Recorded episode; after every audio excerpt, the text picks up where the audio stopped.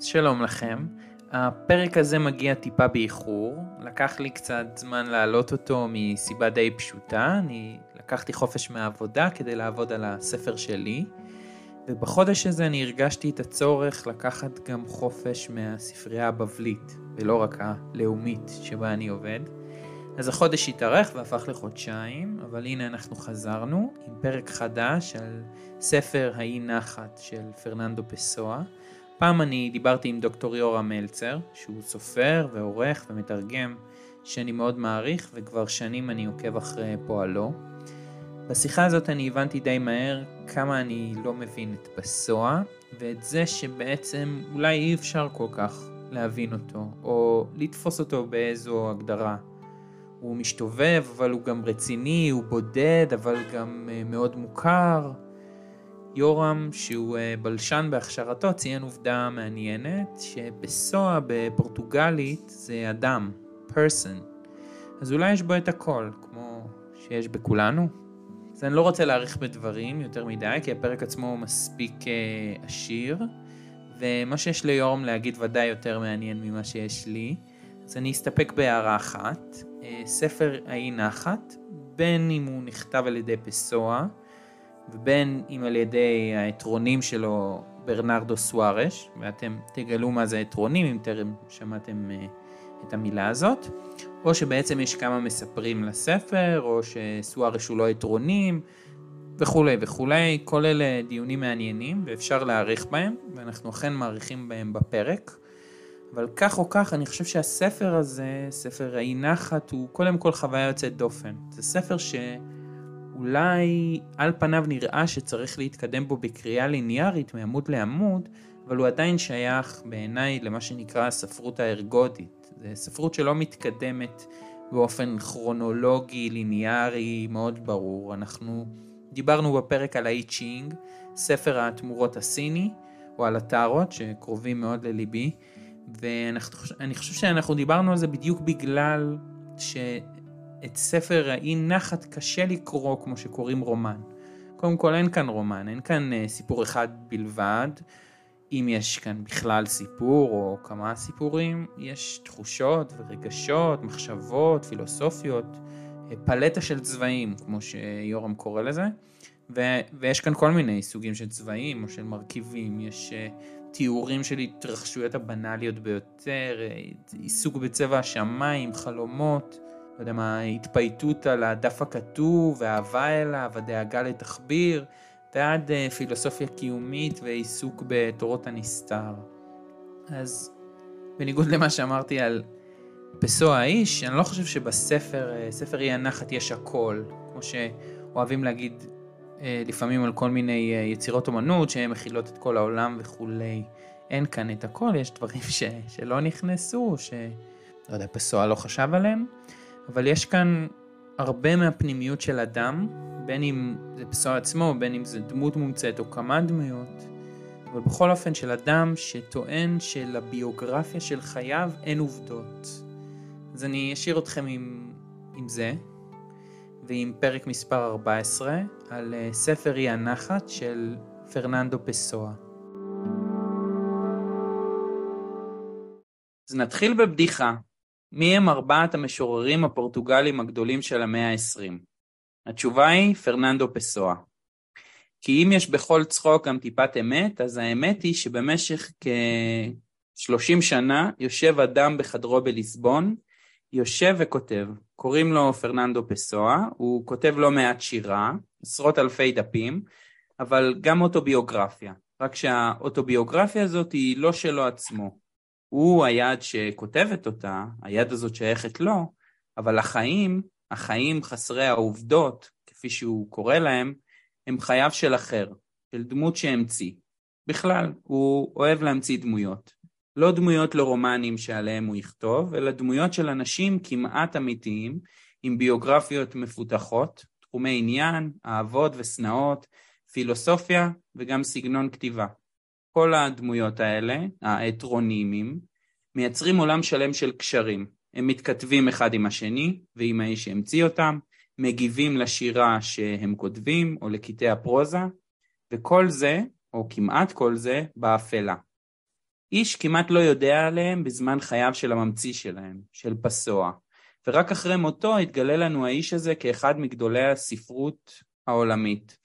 פסוע, שחי בין השנים 1888 עד 1935, אבל רק בשנת 1982, 47 שנים לאחר מותו, תתפרסם לראשונה יצירת פרוזה ענקית שחיבר. ספר האי נחת. אי נחת, נכון? נכון. כן, שהמחבר הרשמי שלה הוא אחד מאותן דמויות מומצאות, דמות שמאוד קרובה בליבה ובאישיותה לזו של פסוע עצמו, ברנרדו סוארש. על פסוע, ההטרונימים וספר האי נחת, אנחנו מדברים היום עם יורם מלצר. יורם הוא סופר, עורך ומתרגם, הוא עורך את מגזין אלכסון שיקר לליבי, ובין כל התרגומים הרבים רבים שלו משלל שפות, הוא תרגם גם את ספר האי נחת, שהיה התרגום המלא הראשון של הספר כולו, על בסיס מהדורה, המהדורה המלאה בפורטוגלית. כי אם לא אמרנו, וזה מאוד חשוב להגיד, פסוע היה תושב ליסבון, והעיר הזו ממלאה את ספר האי נחת שלו ביופייה ובתזיזותה. אה, אז אה, היי יורם. היי, שלום. ספר האי נחת, על מה ולמה אי נחת? האי נחת היא ההפך מנחת. והנחת הזאת, היא כמובן הוא לא כתב בעברית, אה, סוסגו. סוסגו זה המצב של בן אדם כשהוא תחת גפנו ותאנתו. אה, הוא רגוע, הוא שומע את הנחל המפכפך והמעיין והכל ככה בוקולי, ודסה סוסגו, נגיד המצב של אין דבר כזה, ליב רודו דסה סוסגו, ספר האי נחת, ולכן אני קראתי לו בעברית האי נחת, כלומר השלילה של נחת, דה סגו אה, במידה רבה זה אה, מונח שפסואה תובע, אי אפשר להגיד שהוא ממציא אותו, אה, זה קשה לומר דבר כזה, אבל הוא, הוא, הוא תובע את המונח הזה, ולכן היה בעיניי צריך לסמן את הייחוד, את הכותרת הזאת לפרויקט שאתה מכנה אותו ספר, אני אגב לא תרגמתי מהמהדורה המלאה וזה לא היה התרגום המלא הראשון כי אין תרגום מלא ראשון עד עצם היום הזה, אין ספר ואין מהדורה סופית. אה, ויכול להיות שתהיה בימי חיי, בימי חייך או בימי חייו של מישהו, גם זה אנחנו לא יודעים, כי אם אני אוסיף להקדמה שלך, אה, עם, עם מותו אה, התגלתה התיבה, בתיבה יש 29 אלף טקסטים, זאת גניזה, אני אוהב תמיד להשוות את זה לגניזה, הוא גנז הכל, הוא, הוא צבר הכל, והוא um, הותיר את זה. Uh, מעולם לא היה ספר uh, נחת, מעולם לא היה ליברו דה סנסוסגו. יש uh, מעטפה שבחוץ כתוב אל דו די, כלומר ליברו דו דה סנסוסגו. יש בתוכה, וגם סביבה וגם מחוץ לעטיפה של המעטפה הזאת, יש ניירות שמסומנים יותר או פחות, באופן ברור או לדעת חוקרים מסוימים ואחרים לא, כשייכים לפרויקט. פרט לכך יש לנו הנחיות של פסוע, איך, איך צריך או איך הוא התכוון להרכיב את הספר, הן הנחיות בלתי מספקות ביותר, אי אפשר לעשות עם זה שום דבר סופי, ואין בעצם דרך לגמור את הספר, כי צריך אה, אי פעם תיאורטית להחליט מה הוא כולל. וגם אם היינו יכולים להחליט מה הוא כולל, אנחנו לא יודעים איך לסדר אותו, במובן הליניארי. אה, זאת אומרת, יש לנו פה ערימה, או ענן, במונחים אה, עכשוויים, סוג של עננה, שאני תרגמתי ממהדורה שבינתיים היא, היא פחות משמשת, אבל היא כן מהדורה נחשבת, שבה הדבר היפה, וזה אפשר, הקוראים בעברית יכולים לחוות את זה, אפשר לראות לאורך הספר מעבר כמו בפלטה של צבעים, גם בנושאים, גם בסגנונות, גם בפרספקטיבות. אם אתה פותח את הספר במקום אקראי וקורא קצת קדימה ואחורה, אתה נמצא באזור דומה או עקבי במידה מסוימת, ואתה מתרחק משם, אתה נכנס לאזורים אחרים. אה, האם זה אפקט של אי נחת? ללא ספק, זה יוצר אפקט של אי נחת. זה גם יוצר אפקט של נחת מקומית. האם הוא התכוון לזה?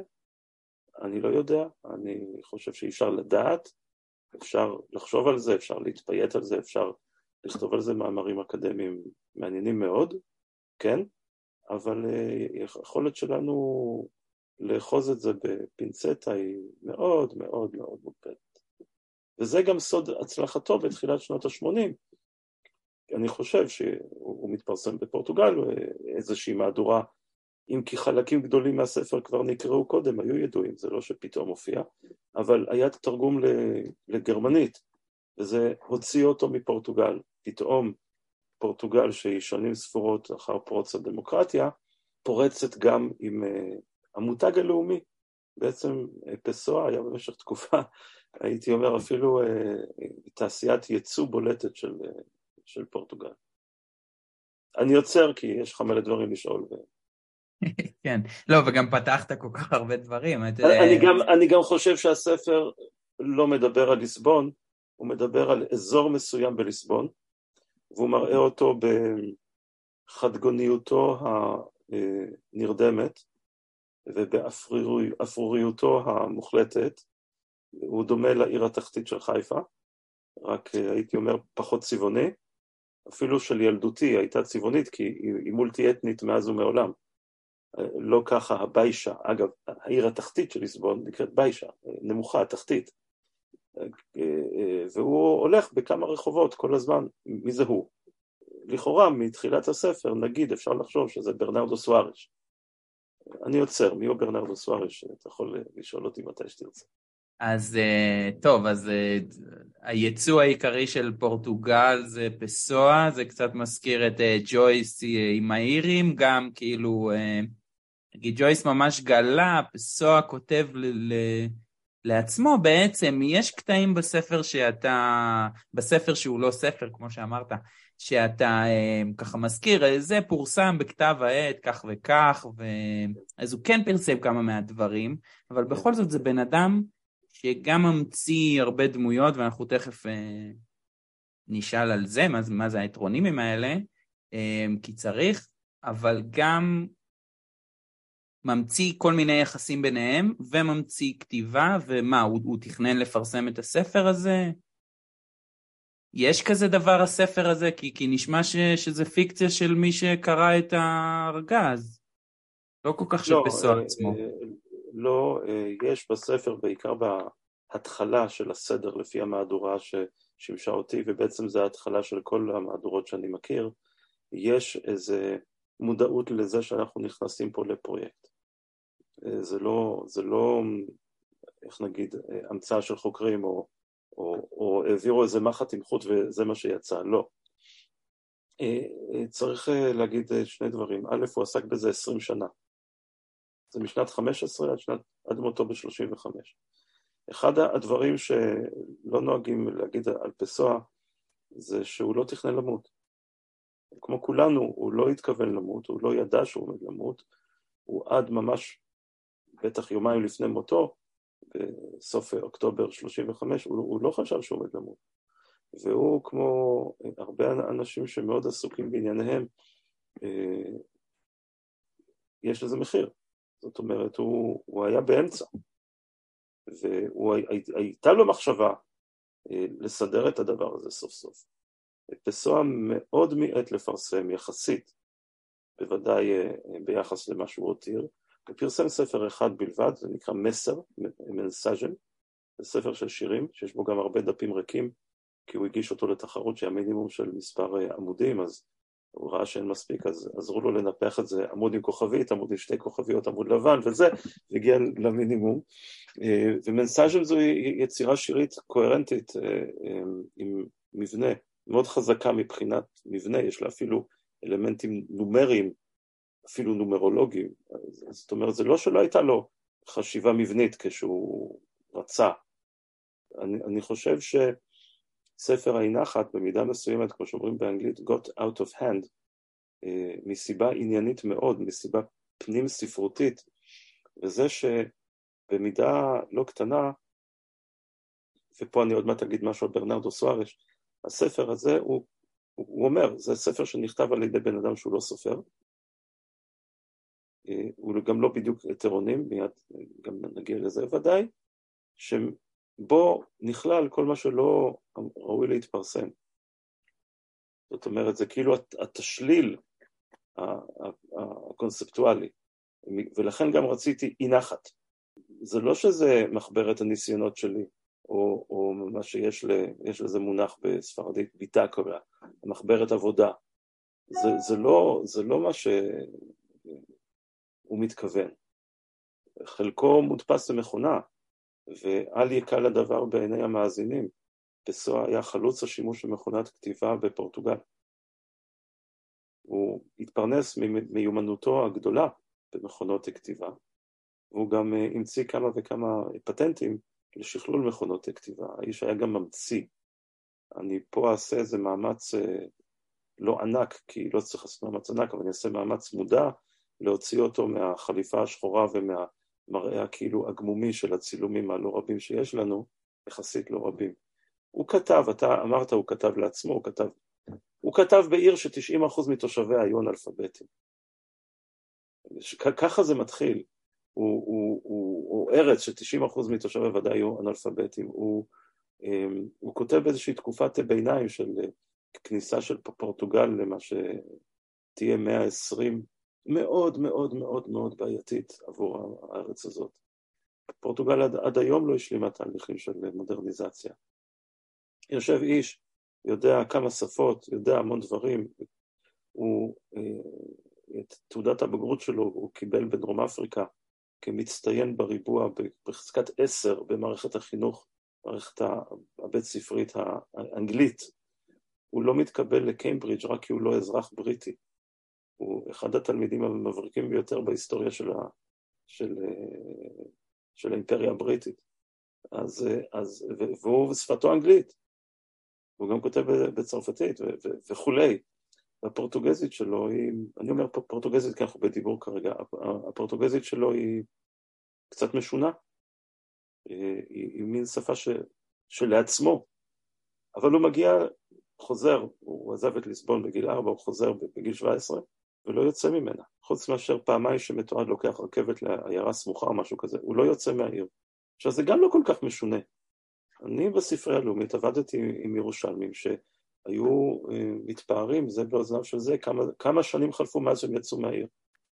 אז זה, אני קצת נגד הציור פרננדו פסואה כחייזר, לא חייזר. אה, שם משפחתו פסואה משמעותו אדם, איש, פרסון, אבל זה שם משפחה נפוץ בפורטוגל ושם משפחה גם בהחלט מתועד בקרב היהודים אה, הפורטוגזים, אה, ברשימת הקהילה של בית הכנסת אה, הפורטוגזי באמסטרדם יש לו מעט פסואה. זה בסדר, כי במאה ה-18, בשני ענפי המשפחה של פרננדו פסואה, הועלו, ואמרתי, 1700 ו, הועלו אנשים למוקד על היותם בעלי מנהגים של יהודים, הם היו ממוצא יהודי משני הצדדים, האם זה רלוונטי? לא בקושי. זאת אומרת, אני, אני קצת נגד החייזריות שלו, ואני אגיד איזה מילה על, ברנרדו סוארש בהקשר הזה, עוזר למנהל חשבונות בעיר התחתית של ליסבון.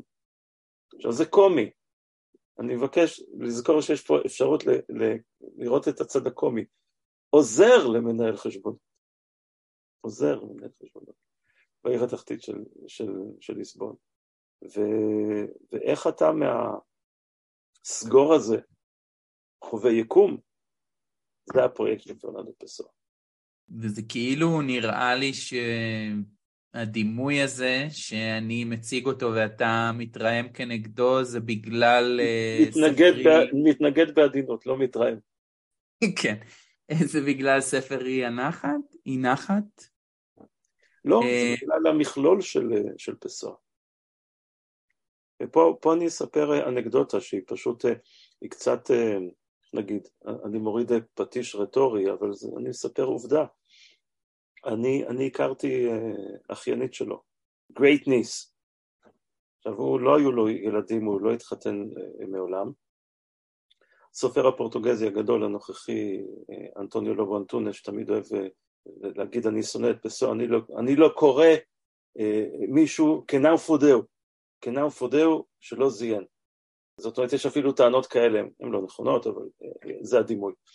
אבל אני הכרתי את ה... נקרא לה האחיינית הזאת, שזוכרת את הדוד פרננדו, משתובב איתה. הוא היה מזמין פעם בשבוע עשרה ימים ספר וגלב אליו הביתה, לדירה, שהיה אה, מגלח אותו. והיא הייתה מביטה מוקסמת, איך לא, בקצף ובתער ובכל הדבר הזה. והוא יום אחד שיחק בלשים עליה קצף גם ולדמות שמגלחים אותו. זאת אומרת, הוא היה איש של, של מהטלות, של, של לעשות שטויות, במובן שהילדים והנכדות שלי מכירים ממני, לעשות, לעשות שטויות, אה, להיות מצחיק. והיא רק זוכרת את הדוד פרננדו ככה, מסתובב איתה. ואגב, הזיכרונות האלה מגובים על ידי עדות מאוד מסודרת של הבן של הספר, שנפרמו בינתיים, אבל, אבל שהוא היה עוזר לאבא שלו והוא זוכר בדיוק את הדבר הזה. וכשאני אה, אכלתי עוגיות ושתיתי קפה עם הגברת הזו בת התשעים ובשעתו בדירתה המאוד אה, כמו פעם בליסבון, מבחינתה זה היה הליצן המשפחתי, היא, היא לא הפסיקה לצחוק מאנקדוטות שהיא סיפרה לי. אז בוא נוציא, אני שוב אומר, בוא נוציא אותה מהחליפה השחורה וה... כן. אה, זה היה איש מאוד, מאוד מורכב בוודאי, מורכב רגשית בוודאי. בימי סערה ורעמים הוא היה מסתתר מתחת לשולחן. הוא נבהל מאוד. אני לא יודע איך אומרים בעברית את העמודים הנמוכים האלה ברחוב, שלפעמים אה, כדי שמכונות נגיד לא יחנו על, על מדרכה. כן. שאצלנו הם מבטון, בליסבון הם, הם הרבה פעמים היו לפחות מצופים באבן, במוזאיקה של אבן, הוא היה אה, מקפץ עליהם, כמו, כמו על סוס, ב, ב, כן, מניח את הידיים וקופץ. אז, אז אה, זה לא שאני עושה מפסוע ליצן, אבל, אבל הוא גם ליצן, כי אתה דיברת על ההטרונימים, אז אולי נדבר על ההטרונימים ואני שם גם אוסיף לך איזה עניין. כן, אז, אז, אז באמת צריך לאזן, וכשאני אמרתי ספר היא, היא הנחת, אני, אני חושב שהדמות, אה, אולי אני עשיתי טעות שעושים רבים, מחברים בין אה, פסוע לסוארש, אם, אם זה באמת המחבר של הספר, שזה בן אדם שאתה אומר אה, חי בתוך ארבע רחובות, לא יוצא, וכל דבר הוא שיקוף של עצמו, יש איזו בדידות אדירה שהוא כל היום מדבר עליה, והוא כל היום מצדיק את עצמו על הבדידות הזאת, אני לא צריך אף אחד, אני... אה, יש איזו הרגשה שהעולם לא קיים ואני לא קיים, אז כן, זה איזה משהו מין אה, אה, פילוסופי כזה, אתה אומר פסוע האיש הוא, הוא אחרת, והוא באמת ממציא גם אה, כל כך הרבה דמויות, וכשהתחלנו את השיחה אמרת לי שזה לא דבר uh, כל כך, uh, זאת אומרת שהוא לא המציא את ההמצאה של הדמויות. לא, uh... ודאי שלא. התרבות של חצי האי האיברי, נגיד את זה כך, uh, רצופה באנשים שיש להם יותר משם אחד ליותר מצורך אחד. רצופה. הטרונים זה שם אחר, יצירת דמות שיש לה שם אחר משמי, ואצל פסוע חלק גדול מהם, מיד נדבר על מספרים, אה, מקיימים חיים משל עצמם. חלקם הוא גורם להם לפעול במציאות הנקראת ממשית. למשל אחד כותב אה, מכתב לעיתון, שגורם למשטרה החשאית לבוא לעצור אותו, אבל הם לא מוצאים אף אחד, כן? אה, וזה, אני חושב שזה כמעט מגוחך שאני צריך להסביר את זה בתקופה של כל אדם אה, כותב את הטוקבק הכי מטורף ולא צריך להזדהות. אותו דבר. עכשיו, אם יש לך דמות שכותבת טוקבקים, ויש כאלה הרבה באתרי החדשות וכולי שלנו, שיש להם איזה קו במדיניות מסוימת ודעה מסוימת, והם הם, הם, הם, הם מפתחים את זה, ותמיד מגיבים תחת השם הזה, אז יש לך פה ראשיתו והמשכו של הטרונים. אנחנו זוכרים את אנה וגנר, שהייתה כותבת על, על בישול בוויינט, ולא הייתה אלא אריאנה מלמד, זה התגלה אחרי כמה שנים. אה, יש, יש דברים כאלה, ואריאנה מלמד אדם שיודע המון ספרות העולם, אז ודאי זה לא בא במקרה. עכשיו, בעולם האיברי אוהבים לקשור את זה גם לאינקוויזיציה. כלומר, אה, צאצאי יהודים אז שחיו, שגדלו, חיו, נולדו כבר מחוץ לחצי האי איברי, נגיד באיטליה או בצרפת או בצפון אפריקה, שהיו חוזרים לצורכי מסחר או משפחה, היו חוזרים עם שם אחר, הם היו דמות אחרת. אבל זה לא הסיבה היחידה, או זה לא הוקטור היחיד בתופעת ההטרונימיות. אני אקח את זה לכיוון אחר שאני מצוי בו. פלא, שני אנשים יש שם, אדסון אריאנטס דו נסימנטו, איש שנולד במחוז סאו פאולו, ומת לא מזמן, ופלא, הכדורגלן, שנוצר מתוכו. והיה, בחייו הייתה הפרדה מאוד ברורה בפני מי הוא מי, באיזה הקשר הוא מי או מה. וכמו שאמר אחד מחבריו לנבחרת, על מיטת הטיפולים בחדר ההלבשה לפני המשחק היה נשכב אדסון, והיו מטפלים בו, והייתה מגבת על פניו. היינו כולנו כבר יוצאים לכיוון המנהרה למגרש, ואז מן המיטה היה קם פלא. לגמרי חלק מהתרבות, ואתה מוצא את זה אצל זמרים, ואתה מוצא את זה אצל ציירים, ואתה מוצא את זה אצל פוליטיקאים, וגם אצלנו. יש, יש אחד, בנימין מליקובסקי, שבעצם היה בנימין נתניהו, שנעשה בנג'מין ניטאי, שהוא ביבי. מקווה בשבילו ובשביל כולנו עדיין שביבי זה רק היתרונים של, לא יודע, של אחד הקודמים. כי ברגע שהדבר הזה לא, ברגע שההבדל הזה לא, לא נשמר, אה, מצבו של האדם אמור לא, לא טוב. עכשיו אצל... מה, יש התפרקות? כי יש התמזגות שלא מאפשרת כבר אה, לא לזה ולא לזה להתקיים באופן אה, איך נגיד, אורגני, ממשי, מועיל. אבל אם נחזור רגע לפרננדו פסואה, יכולים המאזינים לשאול, טוב, כמה כאלה הוא יצר? אה, זה תחום מחקר. אחת הספירות האחרונות הגיעה ל-212. וואו, אני קראתי על 70, אבל אתה הוספת עוד איזה... אה, אתה יודע, אתה בתחילת יחסית, בהמשך דרכך, אני הלאה משם. כן. יש ויכוחים, יש כל מיני כאלה שהם רגעיים יותר, רגעיים פחות. יש אחד שהיה פותר חידות בעיתונים ותמיד זוכה בפרס, אז, אז הוא לא עשה הרבה מעבר לכך, נגיד, אבל שוב, זה אפשר לחקור איזה חידות הוא פתר, איך הוא פתר, מה היה שם, אם אפשר לשחזר, אולי נגלה איזה אישיות. ואני רוצה, שוב, כדי לקרב את המאזינים לעניין, הכל מתחיל עם איזה אביר שהוא ממציא בגיל שבע. ולכן, למי מאיתנו לא היה חבר דמיוני? חבר. הדמיוני הוא הטרונים, שאם אתה ממשיך, ויכול לכתוב, חבר דמיוני כותב, ונשארים הניירות האלה, ויש לנו שירים מגיל שבע של, של אה, פסואה, דרך ההטרונים, אה, של אותו אביר, אביר צרפתי, ו... ולמה לא? בעידן כמו שלנו, שיש כזו פלואידיות, למשל מגדרית, בספר האי נחת יש שניים שלושה מקומות שבאמצע המשפט הוא עובר מזכר לנקבה, והכל בסדר. כלומר, הנה זה, הכל בסדר של הנה. אחד הדברים היפים בספר האי נחת שלא היה לו עורך, אז, אז הכל נשאר כך. לא אמרו לו, תשמע, זה לא בסדר, יש פה, יש פה טעות. יש שלט בכניסה לנס ציונה, ברוכות וברוכים הבאים לנס ציונה.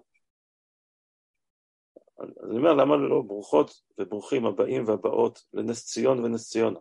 ואת אפשר לקחת את זה הלאה והלאה והלאה והלאה.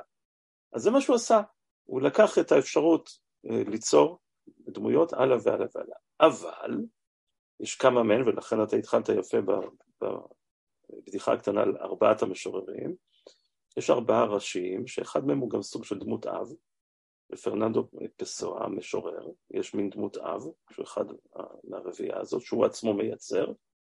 לא צריך להיות יותר מדי אה, זיגמונד פרויד כדי להבין שאדם שאיבד את אביו הביולוגי בגיל ארבע וגדל אה, אה, אצל אבא חורג, ובסופו של דבר גדל לבד, ובסופו של דבר בשנת חמש עשרה, בהיותו בן אדם בן עשרים ושבע, הוא מאבד חלק גדול מה, מהקרובים הקרובים לו ביותר, אז בשנת 15 גם נוצר היתרונים של דמות אב, ובשנת 15 הוא מתחיל את ספר האינך.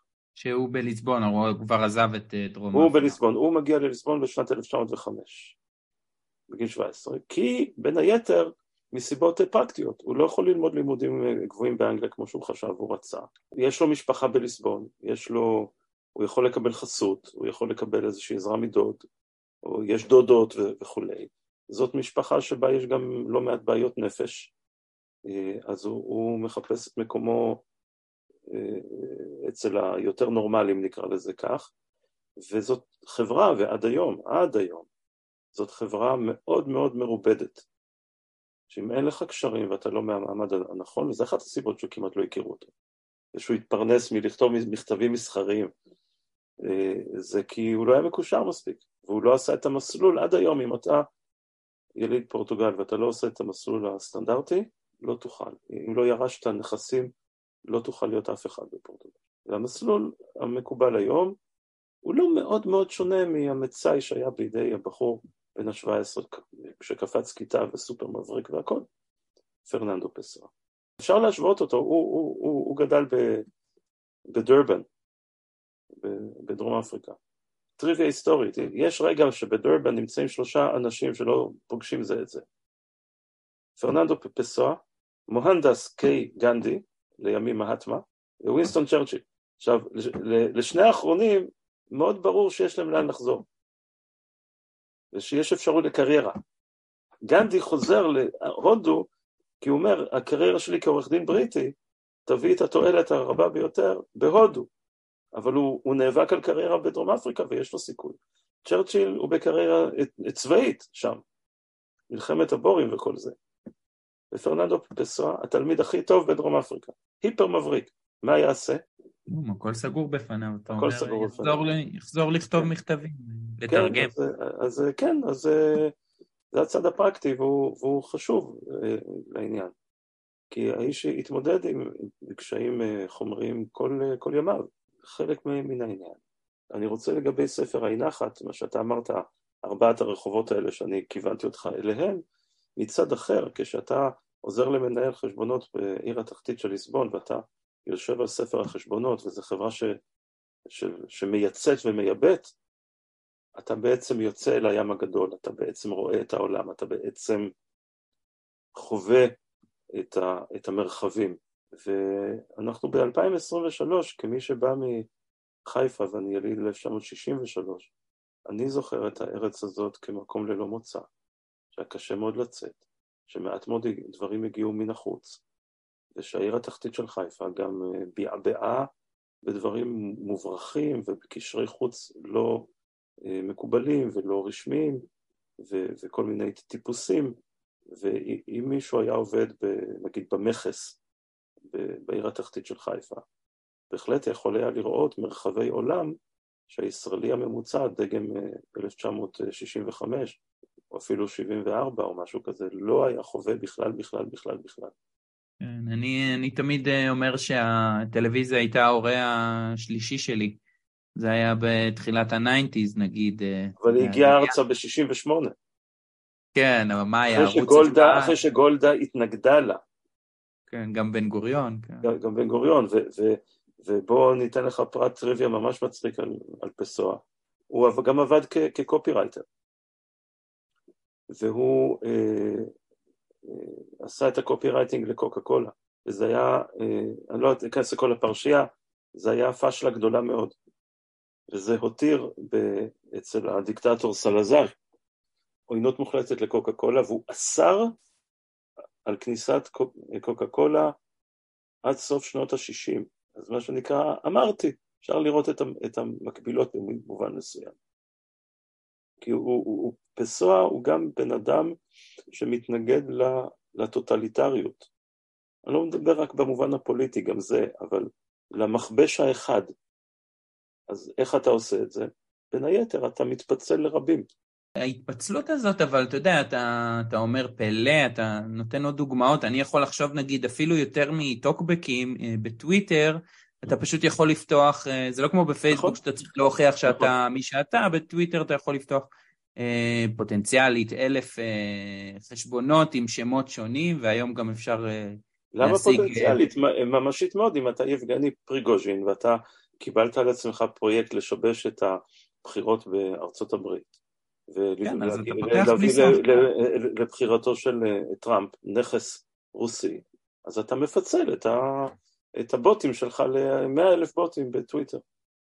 כן, כן, אבל זה משהו שהוא עדיין אה, ציבורי, בוא נגיד, זה רשת חברתית, כל אחד יכול לראות אותך. פסואה כותב לעצמו, מ- פסואה וכל האטרונים האלה, הם כותבים מכתבים לעצמם. אבל הם גם מפרסמים. הם גם מפרסמים. ובמה שהם כותבים הם מתייחסים פה ושם לאחרים שבהם.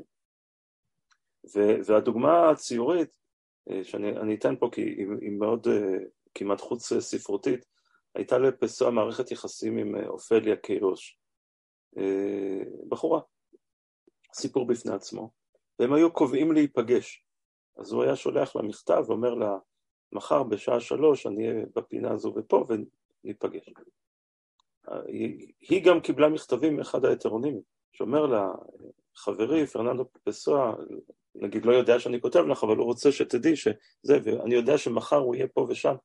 זאת אומרת, יש, אה, יש, אה, יש גם אה, רטט במציאות של, ה, של ההטרונים, זה לא רק פנימה, ונזכיר בין אם הם רק 70, מה שהם לא, או אפילו 212, או כל מספר באמצע, ברור שלא כולם התקיימו לאורך שנים, וגם לא כולם היו בו זמניים, וגם לא כולם היו באותה רמת פעילות. כן, אמרת שיש ארבעה... אה, יש ארבעה לא בולטים מאוד. יש עוד איזה עשרה כן. עשרים בולטים גם, אבל אני אגיד לך, זה קצת כמו, ניקח את זה למטאפורה אחרת, קצת כמו שירות מודיעין, שהוא בונה זהויות למקרה הצורך. ויש זהות שתחזיק 24 שעות, ויש זהות שתחזיק 10 שנים. ואני לא רוצה שוב להגיע לעניין של אינקוויזיציה וכל המחשבות האלה, אבל במידה מסוימת כן, איך אתה מתקיים בתוך סביבה דכאנית במידה רבה. אנחנו נתחיל לראות את זה אצלנו גם לדעתי בקרוב. איך אתה מתקיים במצב שבו אם אתה משמיע את קולך ממש, אתה מסתבך. אה, ולא רק פוליטית. אה, אני אתן דוגמה מאוד אה, חביבה ולא מוכרת למאזינים והמאזינות. אני מצאתי ספר, והיה די קשה להשיג אותו, שהתפרסם לפני שנה, שנה וחצי בפורטוגל, מכתבים לסלזר ששלחו אותי לכלא.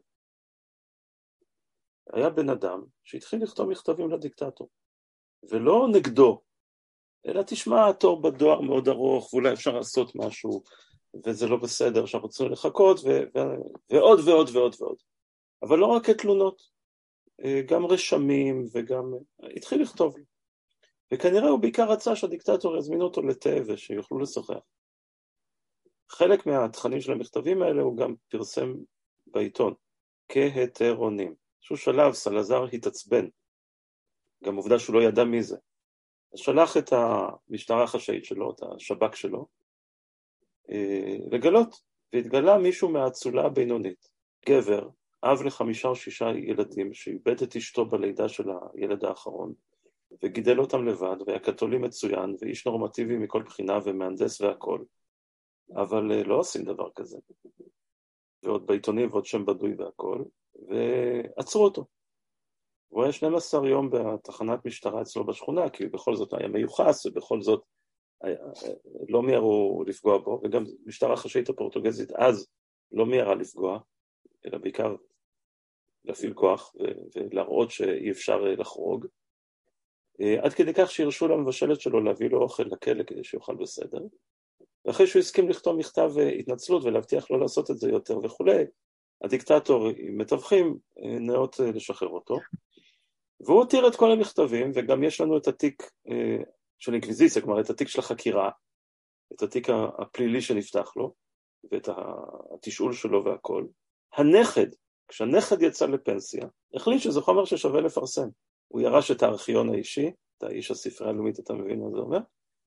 ו- וסידר את זה. זה התקופה של פסואה גם, זה, זה שנות ה-30 המוקדמות, וזה זה, זה יפה. או דומה מאוד לתקופה של פסואה. והלשון היא גם הפורטוגזית של אז, עם הכתיב היותר ארכאי והכל. הוא לא מצא אף מו"ל בפורטוגל של 2022 שמוכן לפרסם את זה. למה? אז קל וחומר שבשנת 15, 20, 30, 34, פסואה צריך איך נגיד, לבזר את, את הסיכונים שלו. Mm, מה, זה כמו מישהו שבבורסה הוא פשוט שם על כל כן, מיני... בין היתר זה גם זה, זה גם זה, וזה גם כדי לאפשר לעצמו לדבר, לאפשר לעצמו לדבר. הרי אני... הוא יכול לכתוב בהמון סגנונות. נגיד אני, להבדיל אלפי הבדלות. דוקטור לבלשנות, מומחה לפורטוגזית, סופר שפרסם איקס ספרים, תרגם יותר ממאה, בלה בלה בלה בלה. אני מומחה לכדורגל. תחת ההקדמה הזאת, לא בטוח שירצו לשמוע מה שיש לי להגיד על כדורגל, ואני אני חושב שאני לא מגזים שאני אומר שאני מומחה. אז יכול להיות שכדי להיות פיגורה שמדברת על כדורגל, אני צריך אה, לעשות את היתרונים. זה, זה עניין לגמרי סביר, וגם, אמ, אמרתי, אם אתה מסתכל על משוררים ברזילאים במאה ה-20, אין כמעט אחד ששמו כמשורר הוא שמו בתעודת הזהות. אין כמעט אחד. כי יש משהו במופע הציבורי שאומר, שם על הבמה זה, זה משהו אחר. ואני מוצא בזה יופי רב. אני מוצא בזה יופי רב. מודעות לזה שאנחנו לא אותו דבר במופענו הציבורי. אנחנו לא אותו, אותו אדם. אנחנו לא מדברים באותה שפה. אנחנו לא מתנסחים באותו אופן. אנחנו גם לא רצוי, וזה גם אמת שאנחנו לא אומרים כל מה שאנחנו חושבים בכל רגע, בכל הקשר. כן, בטח, אה, מספיק לחשוב על אה, בורכס ואני, הסיפור נכון. הקצר הזה, ההרחקה הזאת בין... אה, ובורכס קרא פסוע. הוא קרא הכל כנראה. כן, אבל הוא בפירוש, בפירוש קרא פסוע. פסוע, כן. והיה מודע בעצמו לכך שהוא עצמו בעל שורשים פורטוגזיים. כן, אפילו יהודים. בורג'ש, זה משפחה פורטוגזית ידועה, יש בנק בורג'ש, שזה בורכס. והוא עצמו. כותב על זה. אה, אה, יש לו שורשים בין היתר אה, בפורטוגל. כן. ספר האי נחת. כן. סוארש, אתה יכול להגיד עליו, טוב, אמרת, עוזר למנהל החשבונות, אתה יודע, זה מזכיר לי את, ראית המשרד, white, assistant to the לא, לא, regional לא, לא, לא, לא, לא, אבל, אבל אני יודע, כן, לא. זה? אז כן, העוזר למנהל, המנהל לא מסכים שהוא... להקטין אותו אז הוא העוזר למנהל תמיד. לא רק עניין של להקטין אותו, יש עניין של פרוטגוניסט, זו המילה האנגלית. וזה מושג שהוא גם חשוב מאוד בחצי האיברי. זאת הדמות שהיא במוקד. עוזר למנהל חשבונות הוא, הוא בצל. הוא, הוא, הוא בצל. ואני רוצה להזכיר שבתחילת ספר האי נחת יש קטע קלאסי נפלא נהדר, שבו נגיד המספר, הכותב, מתאר את עצמו במסעדה, קומה שנייה של מסעדה בליסבון, והוא פוגש את פסוע.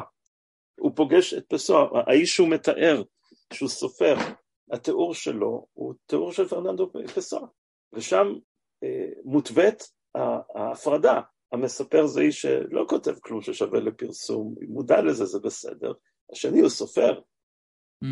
והם, והם מגיעים לחילופי דברים ככה קצרים של נימוס. כלומר, זה אני, אני סוארש פה, הוא פסוע שם. ובאמת יש איזה, טוב, דיברנו קצת על הבדידות ש... שמציפה את הספר, הריחוק הזה. אמ, בהתחלה אתה כאילו, יש לך הרגשה שאתה כמעט מרחם על הדמות הזאת. בטח. אבל אחרי זה מהר מאוד, אה, אתה מבין שזו בחירה פילוסופית, אומנותית, אה, הוא, הוא, הוא כל הזמן מצדיק אותה. Um, אתה חושב שהדמות באמת שלמה עם הבדידות הזאת שלו, או שזה רק איזה דיבור אל החוץ? או זו עמדה ספרותית? היות שהדמות זה לא האדם, זה לא פרננדו פסו בעל תעודת הזהות, אז uh, מה אנחנו יכולים להגיד? הרי כל העסק הוא לא שלם. הוא לא שלם במובן של completeness, והוא לא שלם מבחינת השלמה. לא שלמות ולא השלמה. אנחנו אבל מגלים, כמו שקורה לנו הרבה פעמים בחיים, שהעולם הפנימי של האיש הזה, הכותב או האנשים האלה הכותבים שם בספר האי נחת, הוא מאוד מאוד עשיר, ואנחנו נמשכים אליו. מצד אחר, זה גם נכון מה שאתה אמרת, הבדידות הזו החריפה, שהפיצולים לא מפיסים אותה, זה ההבנה שלו, של פרננדו פסואה האיש, את המצב של האדם המודרני. אז אתה יודע, בתור עורך אלכסון, כל מאמר שני שאני מקבל מכותבים פה, כמעט כל מאמר שני, מתייחס לוולטר בנימין ויצירת האומנות בעידן השכפול וכולי, כן? אבל פרננדו פסוע ראה את זה קודם. פרננדו פסוע גם כותב על זה בספר האי נחת. עכשיו כל אחד יהיה סופר. כי, כי קל לייצר את הטקסט, במובן הטכני-פיזי. ועכשיו איך נוכל להפעיל איזה קריטריון של איכות? איך אנחנו נוכל לדעת מה טוב? איך אנחנו נוכל להתנהל בעולם צפוף כל כך, חומה כל כך, ושבו הקריטריונים הם אה, כל כך לא ברורים? והוא מביע את מצוקתו, שהיא גם מצוקה מסוג הבדידות והיא גם מצוקה מסוג הרתעות. תעזבו אותי מכל זה, אני אסתכל דרך החלון. אמנם הוא, הוא מת בגיל 47, אבל 47 של הימים ההם זה נגיד כמו 60 של ימינו, אני מגיע השנה לגיל הזה, אז הנה זה לא סוד. אני חושב שאני מבין אותו עכשיו עוד יותר טוב, לעומת לפני 24-5 שנים כשתרגמתי את זה, עבדתי על התרגום. אבל אני אומר גם בהקדמה, באמת, הוא יוצר הזדהות, הוא יצר אצלי הזדהות, בלי קשר שאני לא יכול למקם לך כרגע מי זה ההוא, הוא יצר אצלי הזדהות כזאת שאני אני, אני ממש חוויתי את זה. אבל אם אני הולך היום לביישה בליסבון, לאותם הרחובות, וזה קורה לי, זה קורה לי מעט כי, כי הם מוצפים בתיירים. זה בדיוק האזור של השמונצץ לתיירים היום, שמוביל אל הכיכר הפתוחה הגדולה על שפת התז'ו, הנהר. אז אני אומר לעצמי, מה יותר נורא, הרחובות כמו שהם נראו ב-1930, או רחובות עכשיו? והתשובה שלי היא חד משמעית, עכשיו איום ונורא, במובן הזה, ככה שכל אדם רגיש שלא חי טוב עם העידן ההומה וההמוני, יכול להזדהות עם האיש הזה שראה לאן האנושות הולכת. במובן הזה בוודאי, לאן נפש האדם הולכת. ו... ואני אגיד משהו מהצד הלשוני, כשפסואה אומר וולגרי, המונח וולגרי, וולגר, בשפתו, הוא רק מתכוון למובן האטימולוגי. כזה הקשור או השייך או הבא מן ההמון. נותן את השליליות? זאת הכוונה? בדרך כלל. אבל, אבל כמו שאצלו פסיכולוגיה זה ידיעת הפסיכה.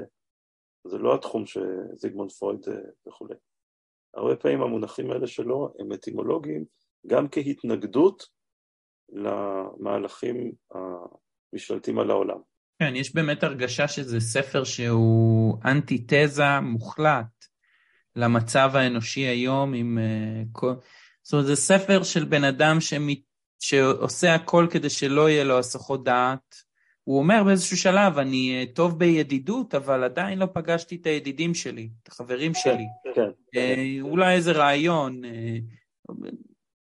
אנחנו חושבים היום, אנחנו כל היום מוצפים רק בהסחות דעת, אין לנו זמן לחשוב. Uh, אומר גם בעוד איזה שלב אה, ספרים עם הקדמות לחלום, אה, אין כל כך חלומות בעידן שלנו.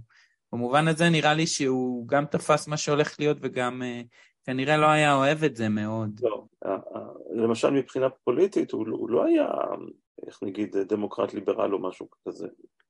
האיש היה סנוב, ו, והוא לא יכול היה לתרגם את זה לפרוגרמה פוליטית או להעדפה מפלגתית או משהו כזה, אבל זה לא שאם היית שואל אותו הוא היה אומר לך שדמוקרטיה זה הפתרון.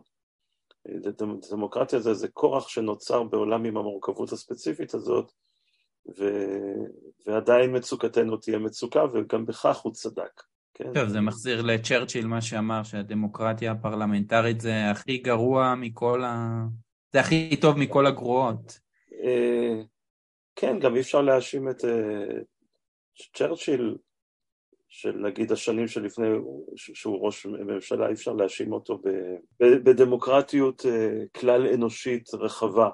הרי לא היה איש שהוא שנא יותר מאשר מה שהוא קורא האיש, האיש הקטן עם אזור החלציים, שזה גנדי, אה, מהטמה גנדי.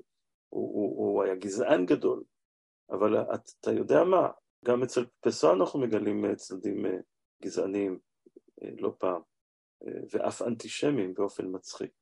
אה, מצחיק כי הוא לא רק הוא עצמו עם הרבה מאוד אה, זיקה ודם מן היהודים, אלא כי הוא בן תקופתו, הוא בן תקופתו, יש, יכול למלא אותך עכשיו באנקדוטות, מה, מה שתרצה. אני רוצה להקריא לך קטע, זה פשוט מדבר על הפוליטיקה, זה קטע די מתחילת הספר, אני חושב שקטע מספר 12 אולי, או... לא, זה קצת יותר מאוחר. אה, אין לי רגש פוליטי או חברתי, אך יש לי במובן מסוים רגש פטריוטי חזק. מולדתי היא השפה הפורטוגלית. דבר, זה, זה נפלא. דבר לא היה מעיק עליי אילו היו פולשים אל פורטוגל או כובשים אותה, כל עוד לא היו גורמים לי לאי נחת אישית. אך אני שונא בשנאה אמיתית, בשנאה היחידה שאני חש, לא את מי שכותב פורטוגלית גרועה, לא את מי שאינו שולט בתחביר, לא את מי שכותב בכתיב המופשט, אלא את העמוד הכתוב גרוע, כאילו היה אדם. אה, הוא... בסדר, אז נגיד שזה לא פסוע עצמו, כי, כי בכל זאת חייבים להפריד, אה, אבל יש פה איזו תפיסה שהספרות, הדף הוא משהו חי. הוא... אז אני, אני רוצה להקדים אה, לגבי השימוש במונח פוליטי. אני מוכן אה, לשים אה, את כף ידי די באש על זה שהוא לא מתכוון לפוליטי במובן שאנחנו משתמשים במילה הזאת היום, בשפות אירופה או בכל... הוא מתכוון במובן של זיקה לפוליס, לפרויקט המשותף, לפרויקט המשותף של אנשים שיוצאים מן הבית ויש להם אחריות אזרחית והם מתחלקים בה והם פועלים למען הכלל מתוך שיתוף. הוא לא בן אדם שפועל מתוך שיתוף, הוא אה, אינדיבידואליסט אה, מובהק. אז צריך גם את זה שקוראים, לשים לב בדיוק למילים האלה.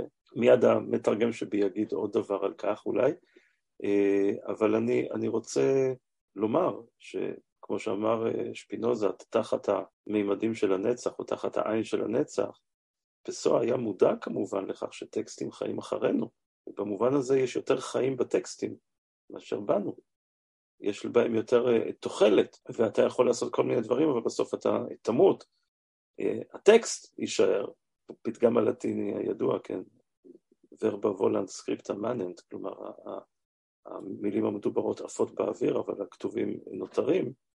Uh, הנה, הוא ידע, עכשיו, הוא כותב את זה תוך כדי שהוא צובר את התיבה עם 29 אלף טקסטים, 29 אלף טקסטים, לא, לא דפים, יותר, זאת אומרת, אז כן, מה, מה יישאר אחריי? אוקיי, כמה אנשים יזכרו אותי? כל, כל, כל, כל אחד מאיתנו. חרטתי את שמי על העץ, זה קצת יישאר. עשיתי איזה גרפיטי על איזה קיר, אולי זה קצת יישאר.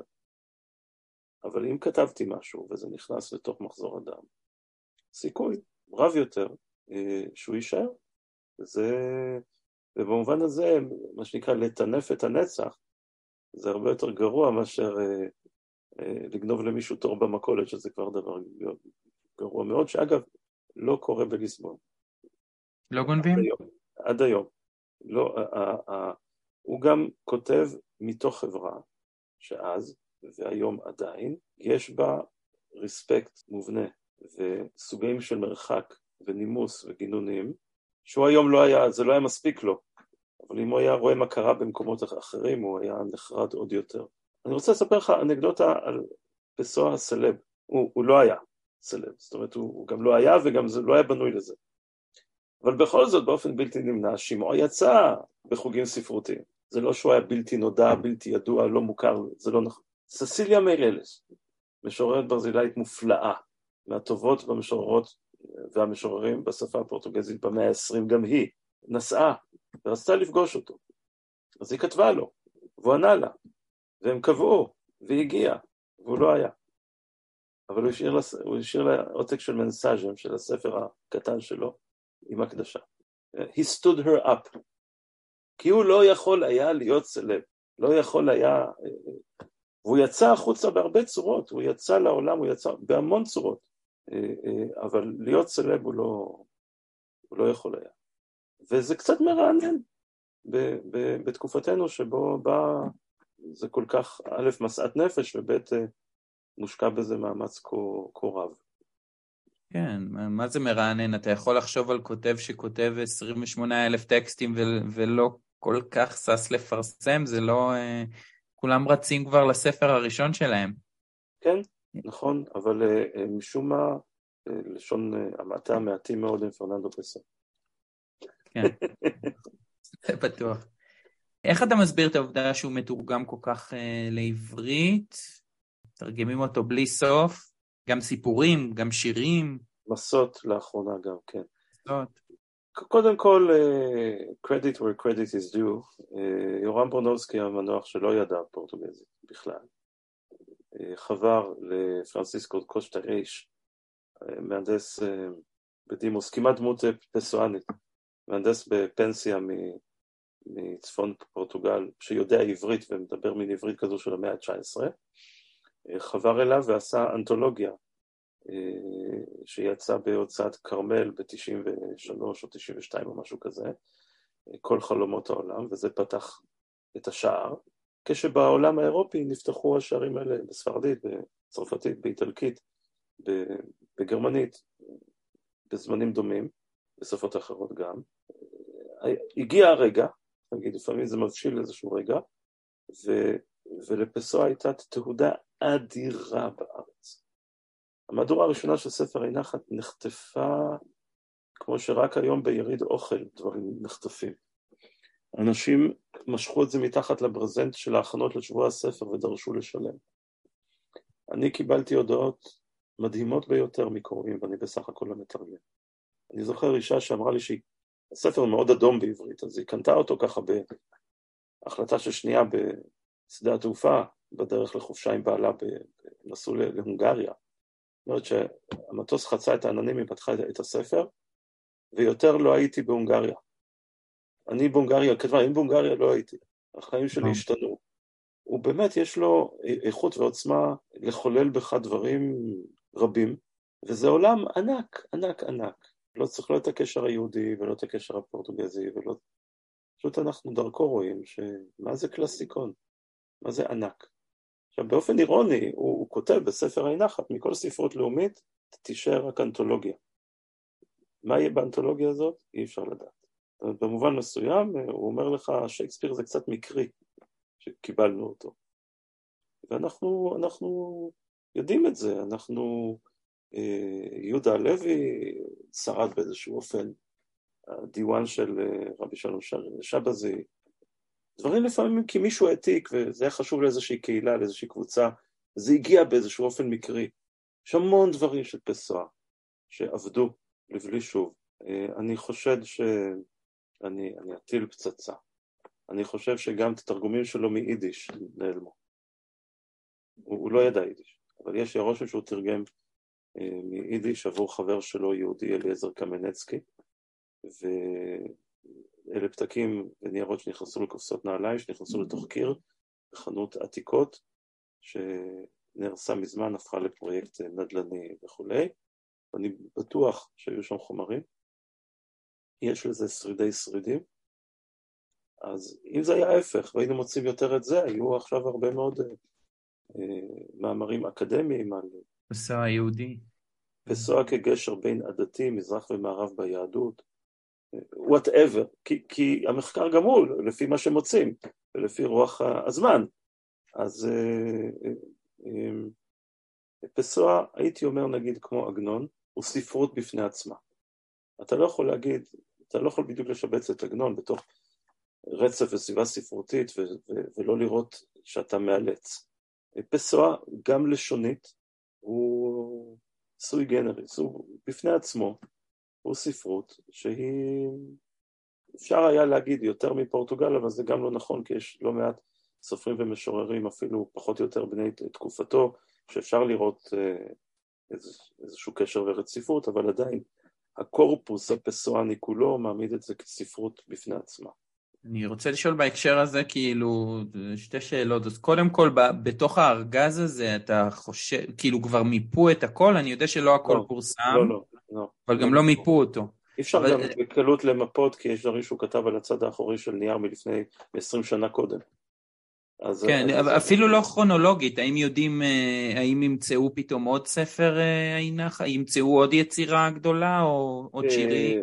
אה, מוצאים כל הזמן, מוצאים כל הזמן דברים נוספים וזה מתפרסם בכתבי עת האקדמיים, מתפרסם כל, כל הזמן, והיות שהזכויות, זכויות היוצרים פגו, על אף שפורטוגל איחרה בכוונה לחתום על האמנה שמוכרת לך שוב מהספרייה הלאומית על הזכויות, כדי לאפשר ליורשי פסוע להמשיך לראות כסף ובעקיפין גם לממשלה הפורטוגזית, הם עיכבו את זה, עיכבו את החתימה, אבל נגמר, אז היות שהוא פאבליק דומיין, עכשיו כל אחד יכול אה, לצוד שני שירים שנמצאו ולא היו מוכרים מתוך, שמובאים באיזה מאמר אקדמי, ו, ו, אה, אבל אני יודע שמדברים על רק באמצע המאה, כלומר עוד שנות דור, יגמרו להגיד באופן מלא מה יש בתיבה. זה, זה בערך משהו כזה. מדהים.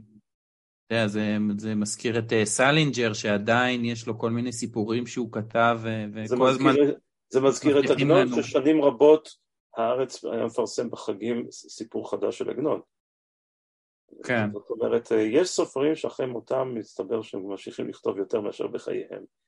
זה, כן. זה פרי המחקר והארכיבאות והאינטרסים הכלכליים, ו, ולפעמים זה לא עושה טוב, ולפעמים אה, כן, ו, אה, ובסדר, זה מפגש, זה מפגש אינסופי. אני, אני, אני נמצא הרבה בליסבון יחסית, ואני מספר בהקדמה שלי לתרגום של הביוגרפיה של, פסואה שאני תרגמתי מאת ג'וזה פאולו קוולקנטי, מעריץ ברזילאי שלו, ואספן של פרטי פסואה, הוא הבעלים של המשקפיים למשל, אז אה, שהחזקתי בידי. אה, קוולקנטי הוא חבר. אני, אני, אני אספר בהקדמה שאכלנו ארוחת ערב בליסבון והיא נמשכה עד מאוחר בלילה וז'וזה פאולו קוולקנטי איש נחמד מאוד ונדיב מאוד, אומר לי, אתה יודע איך להגיע חזרה לדירה שאתה נמצא בה? אה, כי לקחתי אותך לקצה אחר של העיר, מקום אחר בעיר, זה, זה בסדר, הוא ידע שאני הולך ברגל עם עוד חבר. אז אמרתי, כן, אל תדאג, אני מנווט מצוין, אני לא צריך, אה, זה, זה בסדר. אומר, רק שתדע, אתה יורד שלושה רחובות, ואתה פונה ימינה בכנסייה שאימא של פסואה התחתנה עם בעלה השני. וכך היה. את העיר. עכשיו, הלך איתי חבר שהוא ברזילאי וגם ידען גדול מאוד בענייני פסואה, ואנחנו מתחילים ללכת, וחבר ששתה קצת יותר יין ממני, אבל לא בצורה מדאיגה, אבל הוא אומר לי, אה, אתה יודע איפה לפנות? אמרתי לו, כן, אני אראה לך את הכנסייה, אמא שלו התחתנה שם פעם שנייה, ואז הם נסעו לדרום אפריקה. זאת אומרת, אה, אה, המפגש הוא מפגש מתמיד. וכמו כל מערכת יחסים כזאת, יש גם שלבים של, אה, של עייפות, ויש שלבים של גילוי איזה צד שלא הכרת, ואחר כך הוא, ניתן דוגמה ששרמי סערי תרגם את עיקר החומר הזה, הוא כתב מרובעים, ארבע שורות עם חריזה, וזה כמו פיסטוק חלבי, זה כזה נהדר, ואתה פוגש את זה כאילו פגשת משורר חדש, ואתה לא צריך את כל מטען ליאונרדו סוארש עוזר אה, אה, מנהל חשבונות בעיר התחתית של ליסבון. ואתה קורא ספר, אתה קורא סיפור מתח שלו, ואתה יודע שהוא ידע בעל פה את אדגר אלן פו. אגב, אתה אמרת שאדגר אלן פו אה, מעסיק אותך. ו- ועוד כל מיני דברים. ולפעמים אתה קורא גם משהו לא מוצלח של פרננדו פסואה. אז לפעמים אתה קורא משהו של מישהו אחר ואתה יודע ש- שפסואה כתב את זה עבורו. גם זה יש. אז uh, הדבר הזה הוא באמת, uh, כמו שאמרו, גלקסיה של משוררים וסופרים. אתה אומר, קורות וקוראים כתבו לך, כי לפסוע כבר, כבר אי אפשר. הם, הם אמרו לך איך הם קראו את הספר הזה? כי כאילו... לפעמים שאלו אותי איך צריך לקרוא את הספר. בדיוק, זה, זו, זאת השאלה שלי שהתביישתי לשאול. שאני אדם די מתודי ומכבד מאוד את, כשאני לוקח ספר, אני מכבד. אם אני לא יכול לכבד אותו, אני, אני גם עוזב אותו. אז אני אה, מסתכל על ספר, ואני אומר, אוקיי, תמיד יש עמוד ראשון ויש עמוד אחרון. אבל במקרה של ספר הנחת, אני אומר תמיד לאנשים, קחו את הספר, תקראו קצת בהתחלה כדי שתרגישו שאתם עושים את העבודה. אבל אל תדאגו, הרי לא תקראו אותו במשיכה אחת. תפתחו איפה שבא לכם, תקראו קדימה ואחורה כמה שבא לכם. המהדורה הזו באמת, כמו שאמרתי, יוצא שהיא מסודרת לפי גוונים.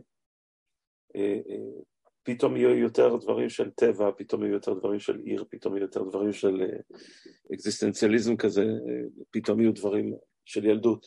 תקראו איך שבא לכם. באמת אתם, אם, אם, זה, אם זה יהיה לכם טוב, אתם תחזרו לזה הרבה מאוד. ויש אנשים שבאמת חיים עם הספר הזה קצת כמו עם האי קינג, כן, שאני אקרא בזה אי צ'ינג, ספר, yeah. כן. התמורות הסיני. ושהשפיע גם הוא על פרננדו פסואה. אגב, אז הדברים של המזרח, כשהוא קיבל אותם, איך שהוא קיבל אותם, השפיעו עליו, ויכול להיות שהוא ראה בזה באמת, שאפילו לסדר באיזשהו סדר סקוונציאלי, סדרתי, לא רק את ספר עין נחת, אלא בכלל, לא עושה צדק ליצירות מסוימות. וזה אנחנו למדנו אחר כך בהמשך המאה העשרים, מהדברים ה... מהאוליפו הצרפתיים, ומדברים ניסיוניים, ומקורטסר, שלא במקרה גם תרגמתי את, את, את הספר שלו שנקרא קלאס, שאפשר לקרוא בהרבה צורות שונות ובסדר שונה של פרקים, ומתקבלים ספרים שונים כתוצאה מזה.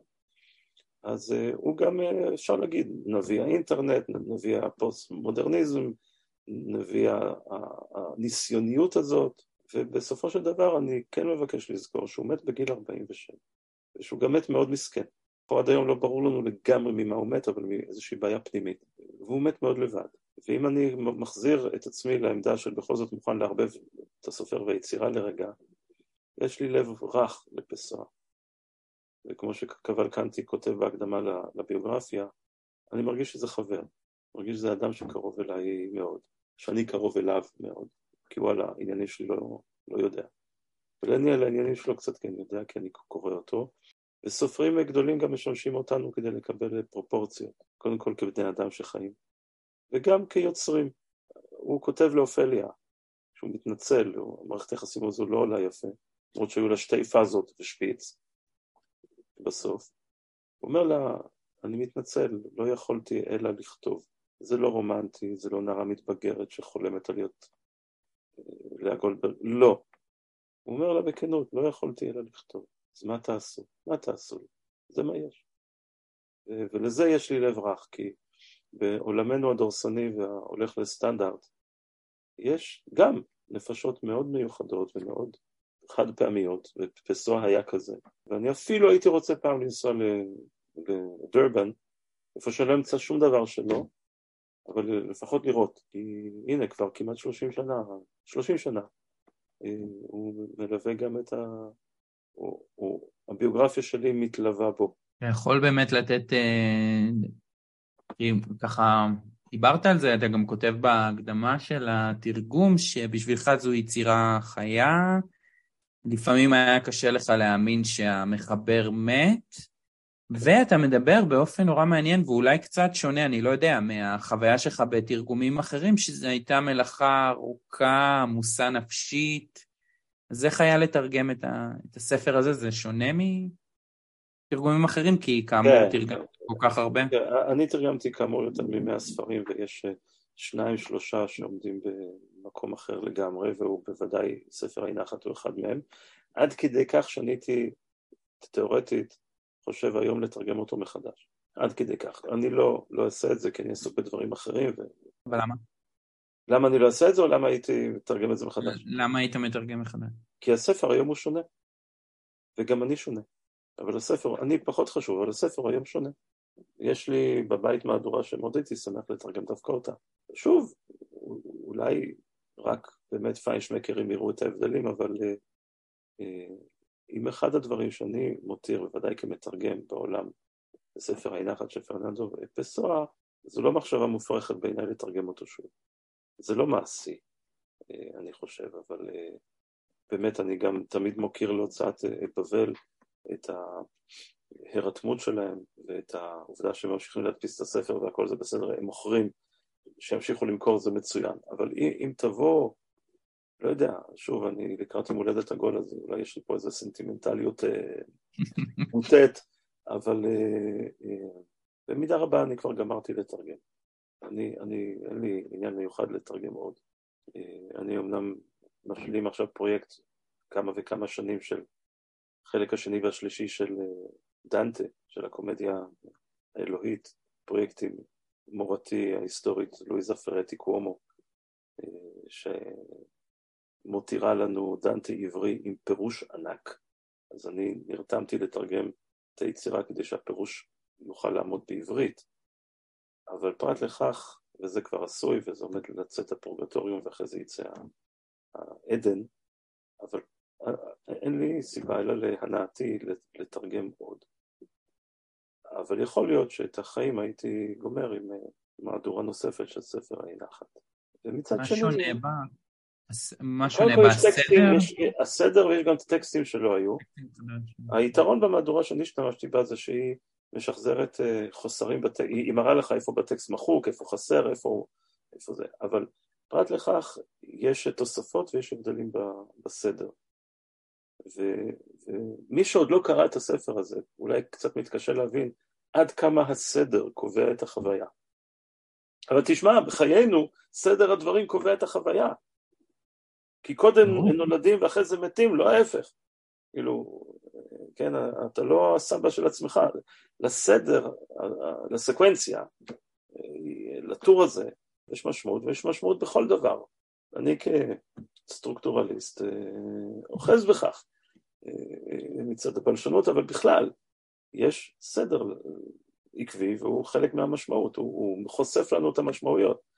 אז, אז בפירוש, אה, מכל הדרכים אה, לצאת מן העולם הזה, לעשות את זה עם ספר עין אחת שתיים, בסדר, זה מאמץ לא, לא סביר, אבל בכל זאת, אתה רואה שהמחשבה הזו, וגם כרגע אפשר לשמוע אותי, המחשבה הזו, אה, כמו פופקורן בסיר, עושה קולות. כן. אבל יש, יש דברים אחרים לעשות, אבל בכל אופן, אני ממשיך לקרוא פסועת תמיד, וכמו שאני קורא עגנון תמיד, והם אה, יחד עם אה, כמניין כף יד סופרים אה, של הנצח עבורי שומרים על מקומה. וזה לא משנה אם יש לו 70 מטרונים או 200 מטרונים, כן. הוא מתגלה שיש לו 304 מטרונים. כן, כן, אתה אומר אם אחד פותר תשבצים אז אולי לאו דווקא צריך... כן, אז, אז יש פה דירוג, יש פה, כמו בכל דבר מגיעים בסוף להבנה שאנחנו על, על קשת, כן, על ספקטרום כזה. יותר הטרונים, פחות הטרונים. טירונים שהוא לטיוטה או לשעה או לרגע. מין משחק מסכות, יש מסכות שהן יותר מייצגות או מסכות שהן פחות מייצגות או אה, חד פעמיות. שירותי ביון משתמשים במסכות חד פעמיות. אז הנה. זה גם בסוהר. היה לו ממי לפחד, אני כן, אני כן מזכיר את זה, היה לו ממי לפחד, הוא חי במשטר. במש... קודם כל הוא התחיל באי יציבות איומה בפורטוגל עם רציחות פוליטיות והכל, הוא סיים את חייו תחת הדיקטטורה של ה Estado Novo, the new state, המדינה החדשה של הימין הטוטליטרי, הלאומני אה, של סלאזר. מי ששומע הדים להווה, שומע נכון. Hmm. אה, מי שמרגיש אותה, כן, אני גם אה, גר כן, ממש כן, קרוב לידידנו, איך אמרת, בנג'מין. מליקובסקי, כן. בדיוק. ניתן. אה, כן. אם לא נצחק אז מה נעשה? נבכה? המלצות. גם נבכה, כן. כן. המלצות, אני מסיים כל פרק עם אה, בקשה להמלצה. אז הייתי מבקש ממך המלצות לטקסטים של פסואה שהם לא ספר האי נחת, ואולי לסופר סופרת אחרים שאתה קשורים או לא קשורים. או, אני בסופו של דבר מאוד נהנה זה מצחיק, זה מין לעשות מעגל שלם בסוף, ממה שנקרא השירה האורטונימית. זאת אומרת, השירה שהיא הוא, בשם עצמו. אה, זו שירה אה, נהדרת, שעומדת יפה בלי הצורך שלנו לחשוב על כל מה שדיברנו בשיחה הזאת. כי זה לא שאתה סוחב את תיק פסו על הגב ובלעדיו בלי, בלי שאתה מצליח להניע את, ה, את התרמיל כולו, אתה לא יכול להסתדר. שירה אוטונימית, אני מאוד אוהב, אני ממליץ עליה מאוד. אה, היא הרבה פעמים הטובה ביותר והטריה ביותר שלו, לטעמי. אה, לגבי אה, סופרים... אבל מה תורגם ממנה לפני שאנחנו... אה, מוצאים את זה בעיתונים בכתבי עת, אני גם קצת פה ושם באלכסון עשיתי את זה. מוצאים את זה... אבל אין איזה קרח אחד? לא, אבל אני כן, אני כן הייתי הולך ל... ל... רמי סהרי תרגם שוב בהוצאת כרמל, את, את הגדולים, את ארבעת ההטרונימים אה, הגדולים, ריקרדו mm. רש, אה, אה, אלברו דה קמפוש, אתה יודע מה, אני ממליץ על השירה של אלברו דה קמפוש. יש כרך כזה בכרמל, אני לא זוכר כרגע את הכותרת. כן, אני ממליץ מאוד. כמובן, רמי סארי עשה עבודה טובה מאוד. כמובן, פה ושם אני הייתי עושה אותה אחרת, מה שזה, זה חלק מהיופי, וגם חלק מסוד ההצלחה, או הביטוי להצלחה של פסו בעברית, זה שיש יותר מאדם אחד שרוצה להתעסק עם זה. זה לא ג'וק, של, זה לא ג'וק של, של איש אחד. אני כן רוצה לתת המלצה, שתי המלצות חוץ אה, פסואניות. אחת, הזכרתי, קלאס של קורטסר, כי האלמנט המשחקי והאלמנט המשתעשע הם מובהקים ומשלימים, שוב, זה פרויקט ששובר את המבנים המוכרים לנו לגמרי, לגמרי, לגמרי. קלאס כמו המשחק של הילדות שקופצים מפה לשם, הספר הזה יכול להיקרא בקפיצות בצורות שונות, והוא גם אומר איך, בניגוד לספר עין אחת. הוא, הוא, הוא שלם, הוא פורסם וההוראות חלק מהספר. ואם מישהו רוצה להכיר את פורטוגל אה, לעומק, אה, לא בתור אה, ציור עם או בלי הדרכון, אני ממליץ מאוד על ספר שזכה, ב... שזיכה את סופרו בפרס ירושלים בספרות, זה הארורים של אנטוניו לובו אנטונש, שהוא גדול כותבי הפרוזה של פורטוגל בדורנו. פורטוגל, כמו הפועל ומכבי בתל אביב בכדורגל, מתחלקת לסרמגו ולובו אנטונש, אז אני ממליץ מאוד על הארורים אה, בהוצאת עם אה, עובד של אנטוניו לובו אנטונש, כי הוא מראה את השלב הדקדנטי, הרקוב של אה, ארץ קולוניאליסטית עם אלמנטים דיקטטוריאליים, והתפוררות משפחה סביב זה, מכרזים למערכת הביטחון, אבל זו בעיקר אה, ספרות נהדרת על אה, גורלה של משפחה בתוך גורלה של אומה, בתוך אה, קושי לצאת מהסיטואציה הקולוניאלית. טוב, אז אני כבר uh, מזמין מה, מהספרייה. כן. סרמגו, סתם שאלה אחרונה, אחרונה, אחרונה. סרמגו, מה אתה חושב? אני חושב שסרמגו, סופר, על הסופר אה, ז'וזה סרמגו אני חושב דברים נפלאים. כן. הוא סופר אה, נפלא, הוא סופר אנושי, הוא סופר עמוק, שמהצד של האיש עצמו, כמו שאומרים באנגלית טובה, leaves much to be desired. כן. מאוד, ולא רק בהקשר הישראלי היהודי.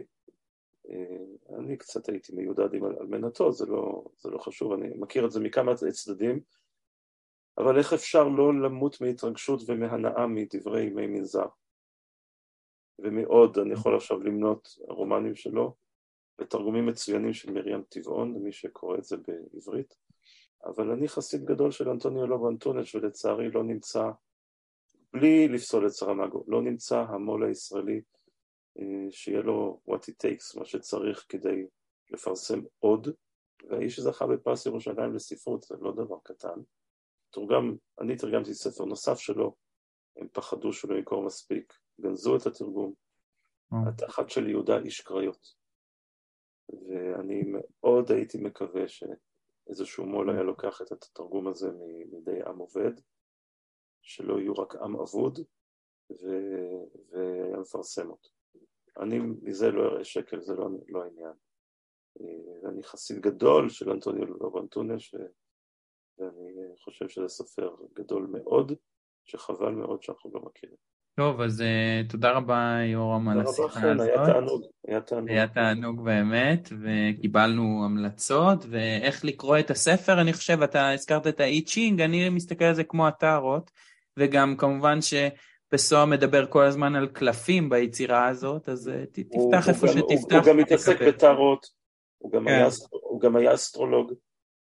הוא עשה מפות אסטרולוגיות גם להטרונים, וידע מתי מתים, חלקם. הוא אהב אזוטריקה מאוד. הוא מאוד אהב אזוטריקה, זה נושא בפני עצמו, אבל אולי אני אזכיר אה, רק לסיום את אה, חברו היהודי אליעזר קמנצקי, רק לראות כמה אזוטרי יכול להיות אזוטרי, אדם שהיה מסתובב בליסבון בגלימה של נביא אה, מקראי, זקן ענק, שיער ארוך וסנדלים, שהופיע בקולנוע הפורטוגזי בתפקידים קטנים אלה ואחרים, התפרנס מסחר עתיקות והיה מחלוצי הנודיזם והטבעונות, ואף ביקר בארץ ישראל. זאת אומרת, כשנכנסים לעולם של פסואה פוגשים כל מיני טיפוסים, כל מיני טיפוסים. זה באמת, אה, כן, ואתה תרגמת את הביוגרפיה, או אחת מהן, כי אמרת שיש גם אחת, אחת, אחת יש הרבה ביוגרפיות של פסרה, כן. כן, כן. אז אה, גם אותה צריך לבדוק. כן. אז שוב, תודה רבה. תודה רבה וכל טוב.